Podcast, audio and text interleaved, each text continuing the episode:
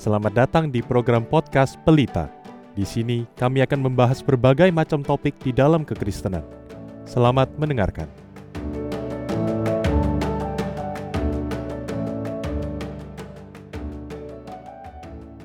Predestinasi adalah salah satu doktrin yang penting di dalam kekristenan yang sering menjadi pokok pembahasan karena cukup menarik dan penuh misteri. Tetapi doktrin ini juga banyak disalah mengerti oleh banyak orang Kristen sehingga kita harus lebih berhati-hati di dalam mempelajari doktrin ini. Jikalau tidak berhati-hati, maka kita akan memiliki pengertian yang salah akan doktrin ini, dan itu akan menjerat kita pada pengenalan yang salah akan Allah. Mari kita terlebih dahulu melihat di dalam Efesus pasal pertama ayat kelima. Di dalam ayat ini dikatakan, dalam kasih ia telah menentukan kita dari semula oleh Yesus Kristus untuk menjadi anak-anaknya sesuai dengan kerelaan kehendaknya. Ini adalah salah satu ayat di dalam Alkitab yang mengandung doktrin predestinasi. Predestinasi pada dasarnya berarti Allah di dalam kekekalan telah memilih dari semua manusia sebagian orang-orang yang akan diselamatkan sesuai dengan kerelaan kehendaknya. Maka tentu, sebagai konsekuensi logisnya, ada orang-orang yang tidak akan diselamatkan. Hal ini menyebabkan munculnya tuduhan yang mengatakan bahwa Tuhan tidak adil. Tuduhan ini sama sekali tidak benar. Untuk dapat mengerti doktrin predestinasi, kita perlu memperhatikan beberapa hal berikut ini. Pertama, kita harus mengetahui bahwa tidak ada sesuatu yang jahat yang keluar dari Allah. Sebagai manusia yang sudah jatuh ke dalam dosa, kita mudah dan sering memiliki pikiran yang jahat atau jelek terhadap sesuatu, seseorang, dan bahkan kepada Allah kita bisa berpikiran buruk terhadap apa saja dan siapa saja. Misalnya, seseorang yang suka berbohong akan memiliki kecenderungan untuk mencurigai orang lain dan berpikir bahwa orang lain juga suka berbohong seperti dia. Maka, dia akan sering ketakutan kalau-kalau dia dibohongi atau ditipu oleh orang lain. Tentu, setiap orang akan selalu berjaga-jaga jangan sampai dibohongi atau ditipu. Tetapi kecurigaan orang ini akan lebih besar daripada orang lain pada umumnya. Ini adalah salah satu karakter manusia yang selalu memproyeksikan sifat-sifatnya sendiri, pemikirannya sendiri, presaposisinya sendiri kepada orang lain. Dan lebih celaka lagi, presaposisi ini juga manusia pakai untuk memproyeksikan Allah. Karena presaposisi yang salah ini, maka kita juga akan mengenal Allah yang salah, yaitu Allah yang jahat. Kedua, di dalam Yesaya pasal ke-55 ayat ke-8 disebutkan, Sebab rancanganku bukanlah rancanganmu, dan jalanmu bukanlah jalanku, demikianlah firman Tuhan. Maka, tentu saja kita tidak akan pernah bisa memahami sepenuhnya rencana Tuhan yang tinggi.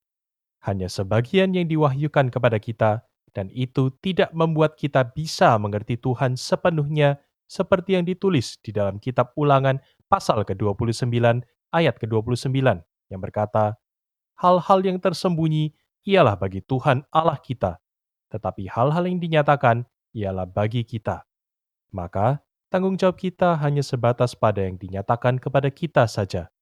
Jangan mencoba mencari tahu apa yang disembunyikan bagi kita, karena ini bisa menuju kepada kesesatan. Predestinasi adalah salah satu contoh yang baik untuk ini. Ketika kita memaksa untuk mengetahui bagian yang Tuhan sembunyikan ini, maka kita bisa menghasilkan suatu kesimpulan yang menyesatkan. Contohnya, seperti pemikiran bahwa Tuhan itu jahat, tidak adil, pilih kasih, dan sebagainya. Tidak mungkin ini keluar dari Tuhan. Seperti yang disebutkan sebelumnya, tidak ada yang jahat yang keluar dari Tuhan. Pikiran kitalah yang sering kali menyesatkan oleh sebab dosa kita sendiri. Sejauh bagian kita, Percayalah bahwa Tuhan tahu apa yang dia kerjakan dan janganlah kita menjadi sombong, menaikkan posisi kita seolah-olah kita tahu apa yang menjadi pikirannya, pertimbangannya, dan bijaksananya. Paulus berkata di dalam Roma pasal ke-11 ayat ke-33 sampai 34, Oh alangkah dalamnya kekayaan, hikmat dan pengetahuan Allah. Sungguh tak terselidiki keputusan-keputusannya dan sungguh tak terselami jalan-jalannya. Sebab siapakah yang mengetahui pikiran Tuhan? Atau siapakah yang pernah menjadi penasihatnya?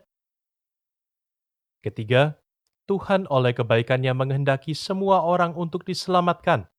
Tidak mungkin dia mencipta manusia hanya untuk dibinasakan. Firman Tuhan berkata di dalam 1 Timotius pasal kedua ayat keempat bahwa Tuhanlah yang menghendaki supaya semua orang diselamatkan. Tetapi ini bukan ketetapannya, melainkan kehendaknya. Karena jika itu adalah ketetapan Tuhan, maka pasti terlaksana dan semua orang pasti diselamatkan. Pada dasarnya, Tuhan tidak menghendaki kehancuran orang fasik, melainkan pertobatan, supaya ia hidup, seperti yang tertulis di dalam kitab Yehezkiel pasal ke-33 ayat ke-11. Tetapi ketika Tuhan memanggil orang-orang fasik untuk kembali kepadanya, mereka tidak mau datang. Firman Tuhan berkata di dalam kitab Matius pasal ke-23 ayat ke-37. Berkali-kali aku rindu mengumpulkan anak-anakmu, sama seperti induk ayam mengumpulkan anak-anaknya di bawah sayapnya, tetapi kamu tidak mau. Ini adalah di dalam konteks kota Yerusalem, tetapi sampai sekarang masih tetap sama kejadiannya. Tuhan memanggil orang-orang untuk diselamatkan melalui pemberitaan Injil Yesus Kristus tetapi orang-orang fasik menolak panggilan ini. Maka mereka pada akhirnya dibinasakan, karena keadilan Tuhan harus dijalankan. Kesimpulannya, predestinasi mengandung suatu misteri yang tidak bisa kita pahami sepenuhnya. Tetapi yang penting kita tanamkan dalam pikiran kita adalah bahwa Allah itu adalah kasih dan adil adanya. Kedua atribut Allah ini tidak dapat dipisahkan ketika manusia jatuh ke dalam dosa dan melawan Allah, pada saat yang sama manusia sudah memasuki suatu keadaan di mana dia sudah selayaknya untuk dibinasakan. Ketika Allah berbelas kasihan dan mengampuni sebagian dari manusia, maka itu tidak membuat Allah harus mengampuni semua manusia. Ketika orang berdosa dihukum oleh Allah, itu adalah satu keadilan Allah yang ditegakkan karena orang berdosa layak untuk dihukum.